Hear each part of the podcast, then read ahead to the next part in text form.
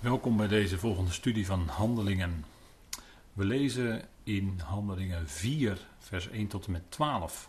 En Petrus die is daar aan het woord. En we zien ook de effecten van wat hij daar zegt. En we willen dat met elkaar vandaag gaan overwegen. En ik denk dat het goed is om uh, met elkaar te gaan lezen zometeen. En voordat we dat doen, wil ik graag eerst met u beginnen met gebed. Vader, we danken u dat we ook op dit moment alles van u mogen verwachten. We danken u dat u ons weer andermaal wil doen stilstaan bij het boek Handelingen. Dank u wel dat we met elkaar dat stap voor stap mogen doornemen. Vader, dank u wel voor datgene wat daarin gebeurde en hoe we de lijnen kunnen zien. De lijn van de ontwikkeling, het koninkrijk. Vader, dank u wel dat dat grote nog zal komen en dat het voor uw volk Israël zeer nabij is. We danken u dat we in deze boeiende tijden mogen leven en dat van u verwachten, Heer, in alle opzichten. We danken u dat u niet loslaat wat uw hand is begonnen te doen. We danken u voor uw trouw, liefde en goedheid en leidt ons ook in dit moment. Geef ons een geopend hart, een horend hart. En dank u wel dat daar uw liefde in werkt. Leid ons ook door uw geest in het spreken. Mag het zijn tot opbouw van ons geloven. Bovenal tot lof en eer van uw Vader. We danken u daarvoor dat u dat geeft. In de machtige naam van uw geliefde zoon. Amen. Goed, wij uh, lezen met elkaar Handelingen 4. En dat wil ik graag eerst met u even lezen vanuit de herziene statenvertaling. En dan gaan we vers voor vers met elkaar daarop in. En daar staat, en terwijl ze tot het volk spraken, kwamen de priesters, bevelhebbers van de tempel en de Sadduceeën op en af. Geërgerd, omdat zij het volk onderwezen en in Jezus de opstanding uit de doden verkondigden. En ze sloegen de handen aan hen en zetten hen gevangen tot de volgende dag, want het was al avond. En velen van hen die het woord, van, die het woord gehoord hadden, geloofden. En het aantal mannen werd ongeveer 5000. En het gebeurde de volgende dag dat hun leiders en de oudsten en schriftgeleerden in Jeruzalem bijeenkwamen. Ook Annas, de hoge priester, en Caiaphas, Johannes, Alexander en allen die tot het hoogpriestelijk geslacht behoorden. En toen zij hen in het midden hadden doen staan, vroegen zij door welke kracht of door welke naam hebt u dit gedaan? Toen zei Petrus, vervuld met Heilige Geest, tegen hen, leiders van het volk en oudsten van Israël. Wanneer wij vandaag ondervraagd worden over de weldaad aan een zieke man bewezen, waardoor hij gezond werd, laat het dan bij jullie allen en bij heel het volk Israël bekend zijn, dat door de naam van Jezus Christus, de, Nazare de Nazarener, die u gekruisigd hebt, die God uit de doden opgewekt heeft, dat door hem deze hier gezond voor u staat. Deze is de steen die door u, de bouwers, veracht werd, maar die hoeksteen geworden is. En de redding is in geen ander, want er is onder de hemel geen andere naam onder de mensen gegeven, waardoor wij gered moeten worden. En toen zij nu de vrijmoedigheid van Petrus en Johannes zagen en merkten dat zij ongeleerde en eenvoudige mensen waren, verwonderden zij zich en herkenden zij hen als die met Jezus geweest waren. En ik denk dat het goed is om hier te stoppen. We gaan met elkaar kijken, uh, vers, uh, versgewijs, in dit stukje van handelingen. En we doen dat vanaf vers 1. En u ziet hier de structuur van de eerste zeven versen. En er staat: De leiders staan erbij en luisteren naar Petrus. Vers 2: Het effect van de prediking op de leiders. Vers 3, wat de leiders Petrus en Johannes aandeden. Vers 4, effect van de prediking op het volk. Vers 5 en 6, de leiders verzamelen zich in Jeruzalem. Vers 4, vers 7, wat de leiders van Petrus en Johannes vroegen. Nou, u ziet hier even in de vogelvlucht het overzicht. De lammen was gaan lopen, Petrus had gesproken en nu zien we de uitwerking ervan. En we lezen dan in Handelingen 4, vers 1. Terwijl ze nu tot het volk spraken, stonden de priesters en de hoofdman van de gewijde plaats en de Sadduceeën bij hen. Die hadden ook staan luisteren naar wat Petrus had gezegd in Handelingen 3. Dat hebben we de vorige keren besproken. En dan lezen we dus hier dat de hoofdman van de gewijde plaats, dat is uh, waarschijnlijk, uh, letterlijk is het woord hoofdman vanuit de grondtekst oorlogleider. En dat is hoogstwaarschijnlijk, zeggen de uitleggers, de leider van de priesters, oftewel van de levieten. Die had erbij gestaan. Die moesten dus toezicht houden, want zij bevinden zich hier op het tempelterrein, hè, dus de directe omgeving van de tempel zelf. Dat heet de gewijde plaats. En daar moesten zij toezicht houden. Daar, daarvoor waren zij aangesteld. Dan luisterden ook de Sadduceeën, en dat was een bepaalde groepering in die tijd. En die, daarvan wordt soms in de schrift ook wel iets van gezegd. Maar in ieder geval is het bekend dat zij de tradities van de Fariseeën, die zij boven de schrift hadden gesteld, want de tradities waren in de praktijk, en dat liep de Heer natuurlijk ook tegenaan, sterker dan wat de schrift zelf zei. En dat is heden ten dagen in het Jodendom is dat nog alles aan de hand. Dat er allerlei tradities zijn die nauwgezet in acht worden genomen. Maar niet al die tradities die staan ook in de schrift zelf. Zoiets als bijvoorbeeld het Pesachmaal, dat is iets wat wel in de schrift staat, maar daar zijn dan weer dingen bij gekomen die in de loop van de tijd erbij gesteld zijn door de overleveringen, door geleerden, door, zo u wilt, rabbijnen. En die, in de praktijk gaan die dan, worden die dan op den duur belangrijker dan de schrift. En dat verschijnsel doet zich eigenaardig genoeg ook voor in het christendom. De tradities die er zijn, of de beleidenisgeschriften of de geloofsbelijdenissen, die blijken in de praktijk vaak sterker te zijn dan wat de schrift zelf zegt. Daar loop je dan tegenaan. Als je dingen tegen mensen zegt, dan zeggen ze ja, ik ben van die en die richting, of die en die kerk, of van die en die groep, of wat dan ook. En ik geloof in de, en dan komt er iets uit de traditie.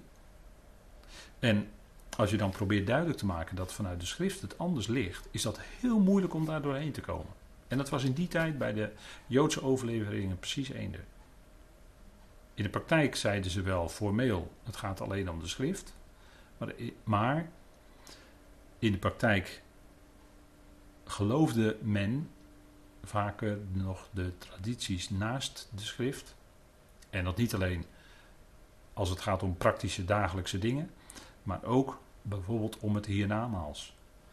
Over bijvoorbeeld het Gehenna. Daar heb je hele wonderlijke, dat is het Dal Hinnom in Jeruzalem. Daar hebben we afgelopen, uh, afgelopen dinsdag in de studie Openbaring nummer 59 ook nog wat over gezegd. Het Dal Hinnom bij Jeruzalem.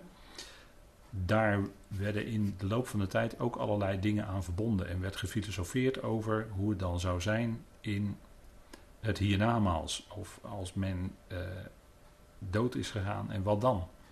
Nou, ook wonderlijke dingen en die blijken dan in de praktijk sterker te zijn dan de schrift zelf. Hè? En dat is ook zo dus in het christendom. Die Sadduceeën, daarom zeg ik dat, die waren ook wel strikt, maar uh, ook strikt voor hun eigen tradities. En zij geloofden niet in de geesten, zij geloofden ook niet in hemelse boodschappers, dus. En ze geloofden ook niet in de opstanding. Ze zeiden dat dood is dood en dan is alles voorbij. Dood is het einde van het leven, dat is waar, maar dan zeiden ze ook, dan is het allemaal voorbij. En dat is natuurlijk niet het geval. Hè? De schrift leert heel duidelijk de opstanding. En daar sprak Petrus ook van. In Handelingen 3 en in Handelingen 2. De opstanding uit de doden. En dat de Heer Jezus was opgewekt uit de doden. Daar sprak hij heel duidelijk van. En dat hoorden zij. En dat wekte natuurlijk vrevel. Hè? Dat, dat ergerde hen. En dat lezen we in het volgende vers. Ze waren ontstemd staat er in Handelingen 4, vers 2, omdat zij het volk onderwijzen en in Jezus de opstanding uit de doden aankondigen. Die, die ontstemdheid, die ergernis, dat kwam uit twee uh, dingen voort. En die heb ik hier met een eentje en een tweetje in deze tekst aangegeven. Ten eerste omdat zij het volk onderwezen. Dus zij namen de plaats van de leiders in, van de leider, leiders, hè, van de schriftgeleerden. En de, de priester was in Israël gesteld om onderricht te geven uit de Torah. En nu meenden zij dat die apostelen daar, Petrus en Johannes, dat die de plek in, hun plek gingen innemen en in plaats van hen het volk onderwezen. Terwijl die schriftgeleerden en fariseeën en sadduceeën juist achter Petrus en Johannes gaan hadden moeten gaan staan om te erkennen dat inderdaad de profetie vervuld is, dat de Messias gekomen is die in Tenach was aangekondigd, Jezus, Yeshua, die was gekomen. had te midden van hen geleefd, was zelfs gekruisigd geworden en opgewekt uit de dood. En nu hernieuwd kreeg het volk, want dit is wel een belangrijk punt hoor. Handelingen 4 is een, hier 4 is een belangrijk hoofdstuk. Want hier uh, krijgen de leiders van het volk dat evangelie van het koninkrijk, het evangelie van de opstanding, maar dan in verband wel degelijk met het koninkrijk, naar hen toe. En nu krijgen ze de kans, als ze het nu hadden aangenomen, dan zou, menselijkerwijs gesproken, naar de profetie, het koninkrijk zijn doorgebroken. Dan zouden zij hun Messias aanvaard hebben. Dan zouden er naar de profetieën gerichten zijn gekomen en dan zou de Heer Jezus terug zijn gekomen als zoon des mensen. Wij weten achteraf dat het anders is gegaan. Maar dit is wel een keerpunt, handelingen 4, belangrijk moment in de geschiedenis. Nou, zij ergerden zich ten eerste omdat dus die in hun ogen, dat gaan we nog in de volgende keer lezen, in hun ogen ongeletterde mensen het volk gingen onderwijzen. En dan wekt het altijd uh, ontstemdheid bij de geleerden, bij de gestudeerden. Terwijl er frank en vrij door de Heilige Geest wordt getuigd door, de, door Petrus en Johannes heen op dat moment. Hè. En ten tweede, wat was ook hun ergernis, de Sadduceeën stonden erbij.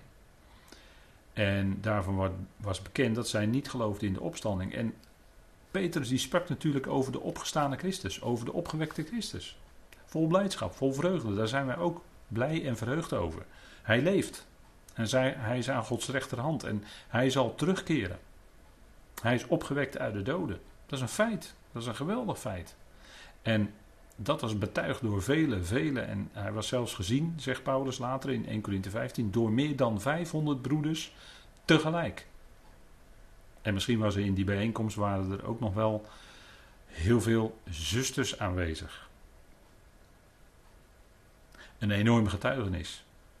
Het viel eigenlijk niet te ontkennen. En het wekte dus ontstemdheid op bij die geleerden, bij het Sanhedrin. Zij leerden de opstanding van de doden.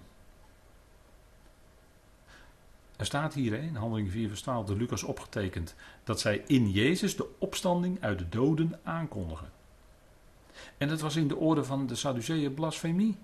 Dat klonk lastelijk, want zij geloofden niet in de opstanding. Zij dachten het is dit leven en dan daarna met de dood is alles voorbij. En daarna komt er niets meer. En de moderne Sadduceeën, die geloven ook niet in de opstanding. Want als je dan gaat spreken met ze over dat Jezus Christus werkelijk is opgewekt uit de doden, dan lijkt het net alsof de moderne Sadduceeën dan wegglippen en dingen gaan zeggen waarvan je denkt van ja, volgens mij geloof je het helemaal niet. Volgens mij geloof je helemaal niet dat Jezus is opgewekt uit de dood. En dat die, die twijfel, die enorme twijfel over deze dingen, is uh, in de 19e eeuw al gezaaid door mensen die daarover gingen schrijven, hun eigen twijfel in boeken gingen uitschrijven. En mensen daardoor van het geloof deden, van de Bijbel deden afkeren. En het bracht enorm veel afkeer van het geloof teweeg. Doordat men ging zeggen dat al die wonderen en tekenen die in de Bijbel beschreven staan, dat het eigenlijk mythen zijn. En dan ging men de Bijbel, zoals men dat dan noemt, ontmythologiseren. Dus daardoor wilde men, dan begon men al die wonderen te, uh, weg te verklaren. Bijvoorbeeld dat de Heer Jezus op het water gelopen heeft. En dan probeerden ze daaraan te ontkomen door te gaan zeggen dat ja, dat is dan een, uh, dat is een Aramese taalconstructie en dat kan ook betekenen dat hij langs het water liep. En zo, nou, dat is één voorbeeldje van al die ergerlijke dingen die ze dan schrijven, waarmee ze proberen al die wonderen die in de Bijbel beschreven staan te ontkrachten en weg te nemen. En zo nemen ze de kracht van het woord van God weg. Zo nemen ze uiteindelijk zelfs God zelf bij de mensen weg. Uit hun gedachten. Natuurlijk, God is er. Hij is de levende God. Maar door dit soort boeken, daardoor is heel veel schade aangericht. Daardoor hebben heel veel mensen zich van het geloof afgewend. Zijn kerken leeg gaan lopen. En het verschijnsel doet zich altijd voor als er werkelijk Gods woord wordt verkondigd. Zoals het bedoeld is, zoals het geschreven is, op basis van de feiten. En het feit is dat Jezus Christus is opgewekt uit de doden op de derde dag door de Vader. Dat is een feit. En als dat gepredikt wordt, dat hij verheerlijkt is aan Gods rechterhand, dan komen daar mensen op af. Want mensen die geloven, die hebben een hongerig hart en die willen horen. Dat zullen we nog wel meer uh, zien hè, in deze, deze overdenking van, van deze keer. Maar die opstanding van de doden en dat Jezus is opgewekt uit de doden, dus in de oren van Sadduceeën, blasfemie. En later in Handelingen 17, als Paulus op de Areopagus komt in Athene, dan spreekt hij ook over de opstanding van de doden, dat de Heer is opgewekt uit de dood. En dan keren ze zich direct van, de meesten keren zich dan direct van Paulus af. Opstanding uit de doden? Nou, dat, daarover is men uh, sceptisch. Daarover wil men eigenlijk liever niet horen. En ze lopen bij Paulus weg. En er waren wel enkele op dat moment die geloven. Dat was heel tekenend. Dat is ook in deze tijd zo. De meeste mensen, als het erop aankomt, geloven niet. Er zijn altijd enkelingen die uitgeroepen worden. Daarom is de Ecclesia ook een uitgeroepen groep. De gemeente het lichaam van Christus zijn uitgeroepenen. Zijn soms één uit een hele familie. Of twee uit een gezin. En de rest niet.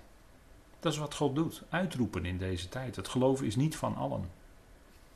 Maar hier, dan gaan we even terug in de tijd. In de begintijd dat het koninkrijk kon doorbreken voor Israël. In Handelingen 4. Hier was het in de oren van de Sadduceeën blasfemie. Opstanding uit de doden. Petrus en Johannes waren ongelooflijk geestdriftig, enthousiast, door de Heilige Geest geleid. En ze getuigden daarvan, van die waarheid. Want het is een geweldige waarheid. En ook is het nog waarheid voor de toekomst. Niet alleen hij is opgewekt uit de doden, maar dat zal uiteindelijk voor iedereen gelden.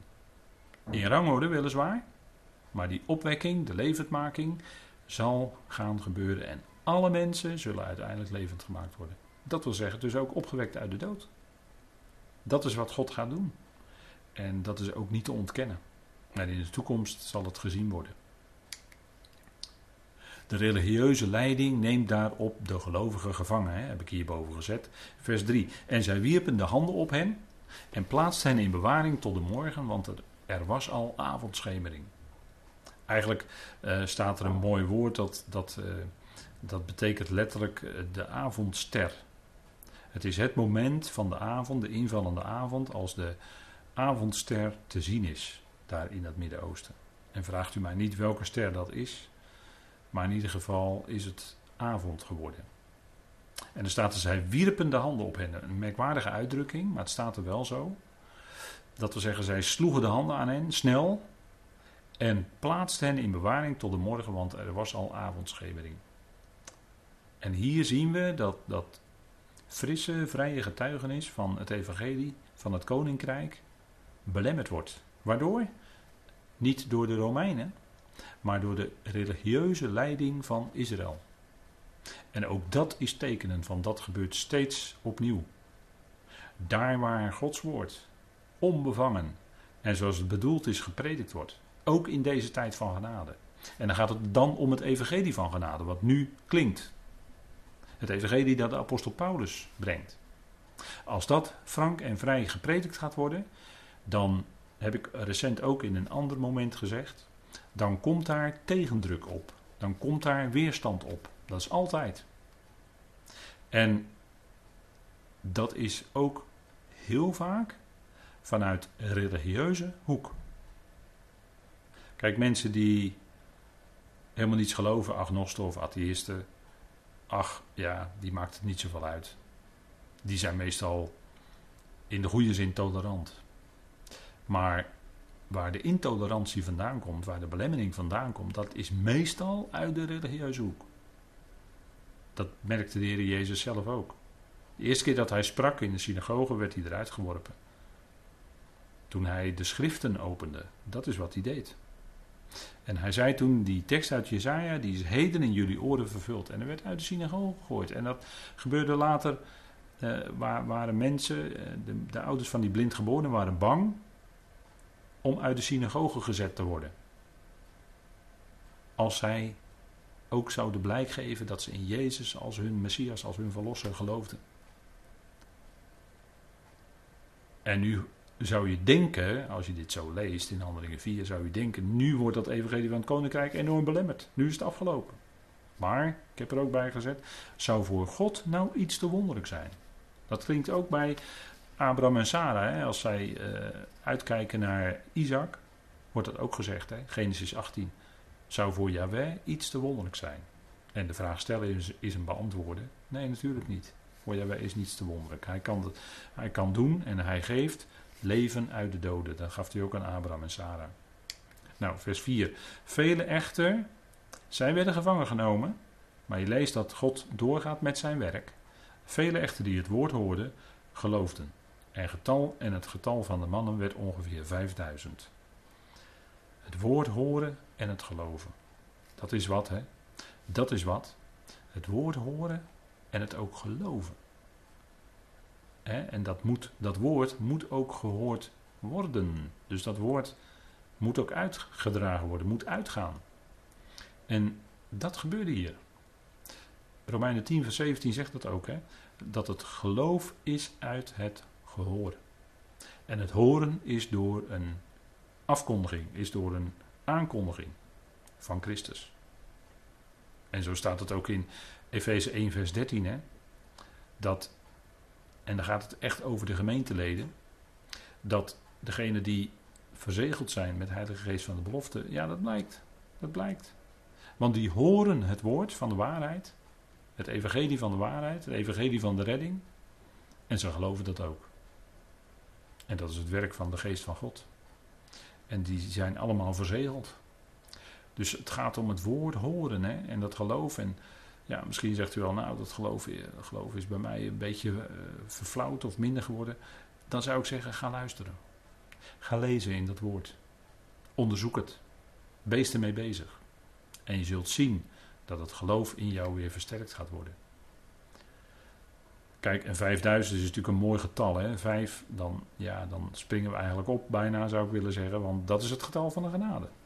Eigenlijk, iets preciezer nog gezegd, het getal van de verborgenheid van de verborgen dingen. En dat getal, dat is hier 5000 zelfs. 5000 mannen waren tot geloof in dat evangelie van het koninkrijk gekomen. En ja, dat is uh, iets geweldigs, hè? Dat is iets geweldigs. Ja, dat is iets geweldigs, hè? 5000. En dan kunnen we daar ook nog vrouwen bij rekenen. En dan wordt het helemaal veel. En zo groeide dat woord. Zo groeide dat evangelie onder de mensen. En aan de ene kant kun je misschien zeggen, ja, dat is nog veel te weinig, want heel het volk. En aan de andere kant, als we zien de tegendruk en wie de leiders waren, het Sanhedrin, die sterk traditioneel bezig waren, en uh, er zat weinig, weinig leven in, om het zo maar te zeggen, dan is dat geweldig wat er gebeurde. Dat is een heel nieuw werk van de geest onder het volk. We gaan naar het volgende vers. Ja, kijk, dat Sanhedrin, dan is het de volgende ochtend en dan zitten ze al, hebben ze een nacht uh, zeg maar gevangen gezeten. En dan staat er in Handelingen 4, vers 5 en 6. Het gebeurde nu in de morgen dat hun vorsten en oudsten en schrijvers verzameld waren in, werden in Jeruzalem. En Annas, de hoge priester, en Caiaphas en Johannes en Alexander. En al wie uit het hoge priesterlijk geslacht waren. Nou, dat is het Sanhedrin. Dus het Sanhedrin was verzameld. Of het helemaal voltallig was, blijkt niet duidelijk uit de tekst, maar het lijkt er wel een beetje op. En dan moeten Petrus en Johannes komen en ja, een verklaring afleggen of verantwoording afleggen, hoe je het ook maar zeggen wil. De religieuze leiders, de religieuze overheid, om dat woord maar te gebruiken, greep in. En zij moesten ja, zich uh, verklaren. En die vorsten, en waarschijnlijk hè, mensen die het onderzocht hebben, die spreken dan over drie groepen binnen dat Sanhedrin. De vorsten, dat zijn eigenlijk de overpriesters. En de oudsten, dat zijn de rijke familiehoofden, die, zaten er ook in. En de schriftgeleerden, dat zijn dan de rabbijnen uit de fariseeën.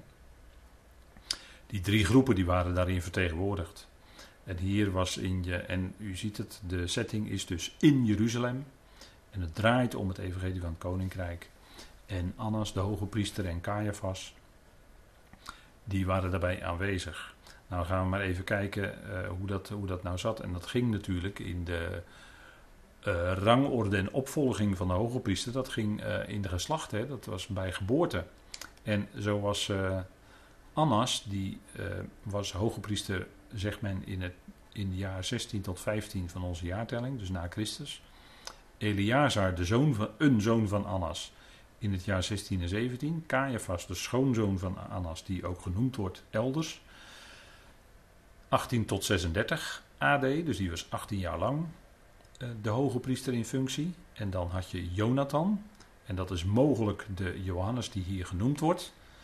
Dat was ook een zoon van Annas. En dan had je Theophilus, en misschien heeft Lucas wel zijn boeken, Lucas en handelingen, aan deze Theophilus gericht. Dat zou zomaar kunnen, maar ongetwijfeld waren er meer die Theophilus heten, dus zeker weten doen we het dan ook weer niet. En dan was daar Matthias, de zoon van, ook weer een zoon van Annas. En dan Annas junior, en dat was uiteraard ook een zoon. En die laatste twee, ene was in 43 AD en de andere in 62. Dat is wat men weet. En dan ga ik even terug naar die versen.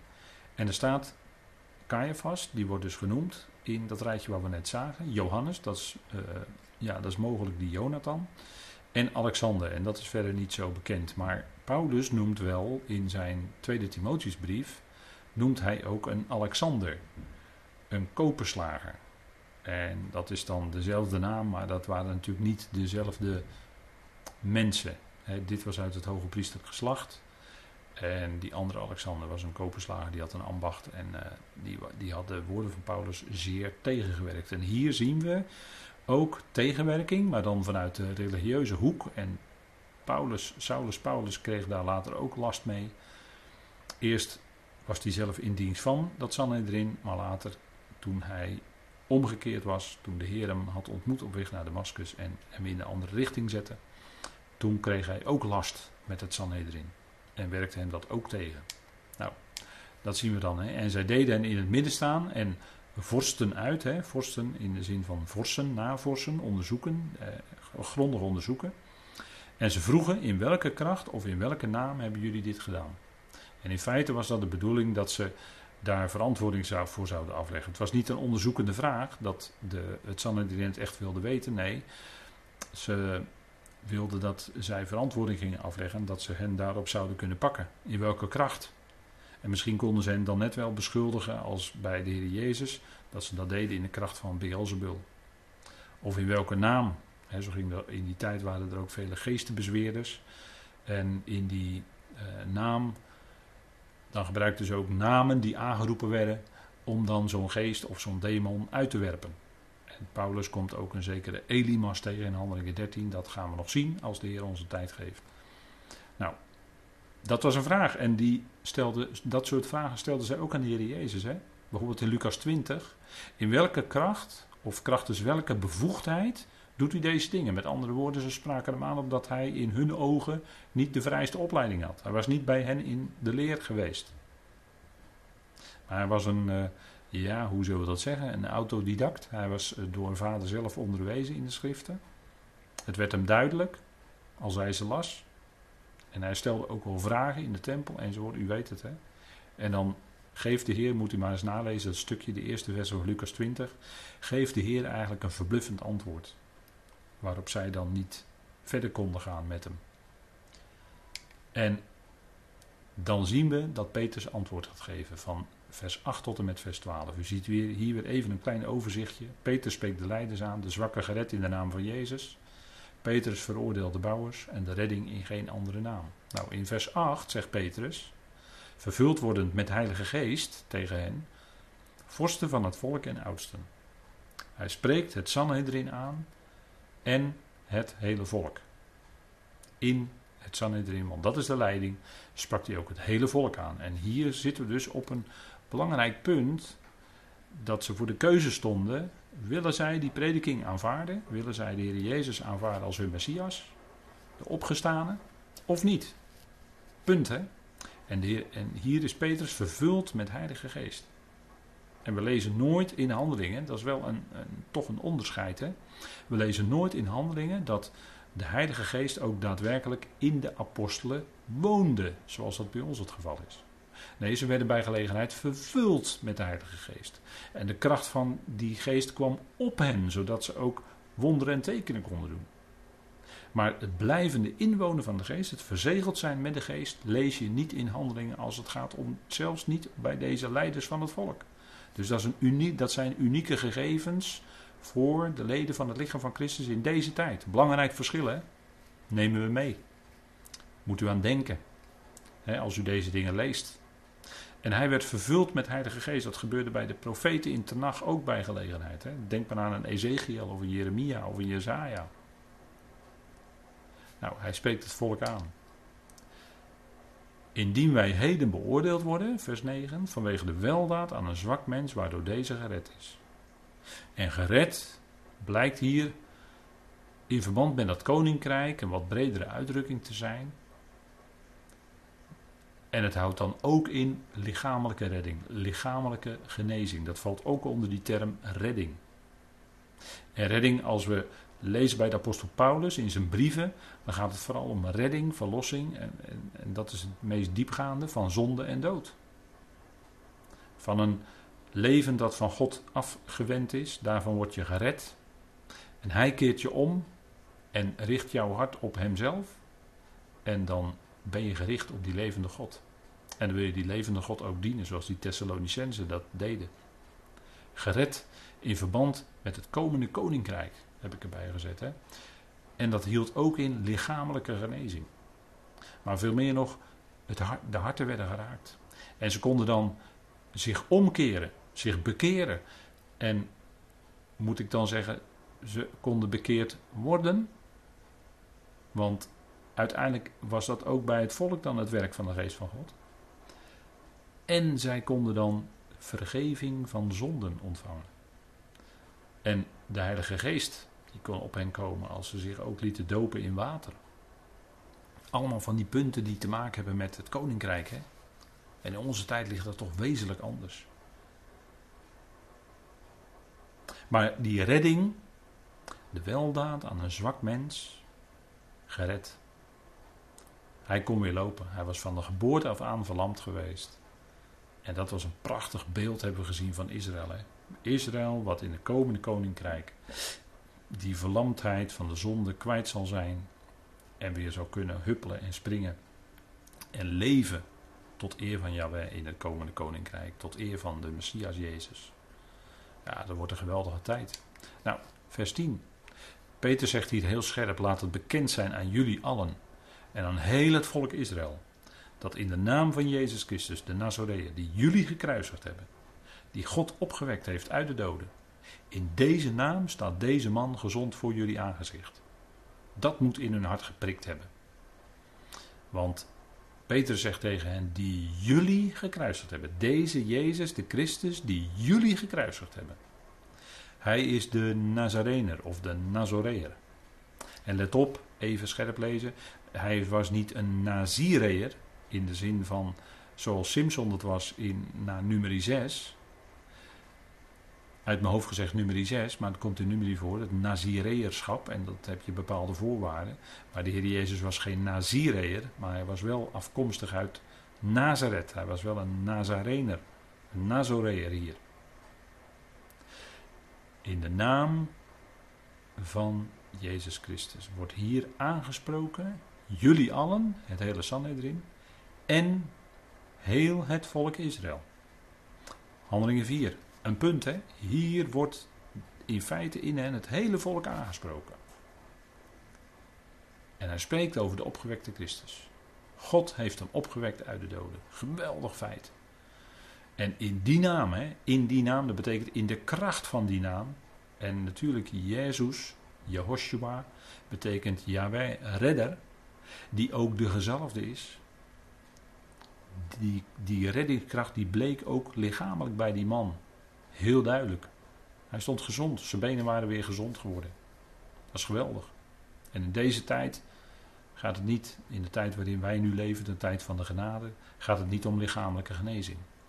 Maar gaat het veel meer om geestelijk opgewekt worden. Gaat het om een hart wat vernieuwd wordt. Gaat het om een geestelijke verlamming kwijtraken. In deze tijd is alles in feite geestelijk. Niets materieel, niets lichamelijk. Maar we hebben alle geestelijke zegeningen in Hem. Het is toch andere, duidelijk andere lijn hè, dan dat hier klinkt. Maar wel degelijk gaat het om dezelfde. De gekruisigde die ook de opgewekte is. Dat is natuurlijk voor ons precies eender. Dat is een feit wat staat. God heeft hem opgewekt uit de doden op de derde dag. Geweldig feit hè. Nou en hij spreekt ze aan. En dan zegt hij, dit is de steen die door jullie bouwers gekleineerd werd. Maar die tot het, die tot het hoofd van de hoek is geworden. Nou, het hoofd van de hoek, dat was in die tijd een grote steen. Meestal inderdaad in de hoek van een gebouw. Wat de stevigheid aan de gebouw verleende. En soms als je in Israël komt. En dat wordt wel lastiger in deze tijden natuurlijk. Veel lastiger om te reizen überhaupt. Maar ook om naar Israël toe te gaan. Als je in Israël komt, dan zie je hier en daar muren met hele grote stenen erin. Uit één stuk. Hoe ze die daar gekregen hebben, we weten het niet, maar het is gelukt. En die verlenen dan stevigheid aan het gebouw. Dat is het beeld wat Petrus hier gebruikt en hij citeert daarbij uit Psalm 118, vers 22. En dat, die, die tekst die wordt ook in Lucas 20 en in Matthäus 21 aangehaald door de Heer Jezus als hij spreekt over de wijngaard, en dat is natuurlijk Israël, en de bouwers van de wijngaard. Dat, dat, zijn, dat is natuurlijk de leiders van het volk, het Sanhedrin. Dat, die, dat daar de profeten naartoe gestuurd werden, de slaven. En die werden dan uh, weggestuurd of gedood. En dan komt op een gegeven moment de zoon. En die zeggen ze, ja kijk, dat is de erfgenaam, dat is de opvolger. Laten we die doden, dan is het allemaal voor ons. En toen de Heer Jezus die gelijkenis had uitgesproken, toen begrepen de fariseeën schriftgeleerden die op dat moment luisterden, of de overpriesters, dat hij hen bedoelde. En ze wilden hem vanaf dat moment, werd er iets bij hen duidelijk. Wij willen niet dat deze over ons zal regeren, maar wij willen dat deze gedood wordt. Ze wilden van hem af. Net als wat de Heer Jezus in die gelijkenis vertelde. En dan wordt in alle drie die teksten wordt die steen aangehaald. Hè? De tekst die hier door Petrus, vervuld met Heilige Geest, geciteerd wordt. De steen die door de bouwers gekleineerd werd. En de bouwer, dat is ook in het Hebreeuws hetzelfde woord als de zoon. Hè? De zoon is de bouwer. En bouwers, als mensen echt bouwen aan iets, en dat is in deze tijd natuurlijk allemaal geestelijk, dan is dat het zoonschap. Zonen, die bouwen. Dat is in het Hebreeuws gewoon hetzelfde woord. Nou, dit is de steen die door hen, de bouwlieden, degene die tot opbouw van Israël zouden zijn, werd gekleineerd of werd afgekeurd. Maar hij is geworden, God heeft hem gemaakt en dat is Gods werk natuurlijk. Ook zit daar wel een, misschien zelfs wel een klein stukje ironie in deze uitspraak. Maar die heeft God juist tot hoofd van de hoek gemaakt. En dan sluiten we af vandaag met 4 vers 12, een bekende tekst. En er is in een andere geen enkele redding want er is ook geen andere naam onder de hemel gegeven te midden van mensen, waardoor wij gered moeten worden. En hier maakt Petrus door Heilige Geest geleid aan dat Sanhedrin en aan eigenlijk heel het volk is al duidelijk dat alleen de redding in die naam is, de naam van de Heer Jezus Christus. Alleen in die naam is redding. En op geen enkele andere manier. En het Sanhedrin die vertelde misschien wel andere wegen van redding. Als je maar je hele leven met de Torah, maar vooral met de tradities bezig bent en goed je best doet. En dan op die manier werd er een, een bepaalde vorm van redding voorgespiegeld. Maar hier wordt duidelijk dat die redding alleen maar is in die naam. En dan zegt Petrus, waardoor wij, dus de setting van deze tekst, heeft helemaal met Israël te maken. En natuurlijk wordt deze tekst heden ten dagen vaak in evangelisatie gebruikt. En natuurlijk is het op zich helemaal waar dat het gaat om de naam van de Heer Jezus Christus. Natuurlijk. Maar hier, zegt Petrus, wij, dit wij hier is, hij zelf natuurlijk als Israëliet zijnde, met het hele volk Israël. Er is geen andere mogelijkheid voor Israël. dan alleen redding in Hem, in de Heer Jezus Christus, in Zijn naam. En dat is, dat is ook zo, geen andere naam onder de hemel gegeven. Dat is natuurlijk op aarde dus. We zien hier dat de setting dus richting dat aardse koninkrijk is. Geen andere redding mogelijk dan alleen in en door de kracht van die naam. En dat, moet dat heeft ze in het hart geprikt. En dat blijkt ook uit het vervolg. Dat ze die ontstemdheid zeker niet kwijtraken, maar juist door deze toespraak werd het erger. Ze konden het eigenlijk niet horen.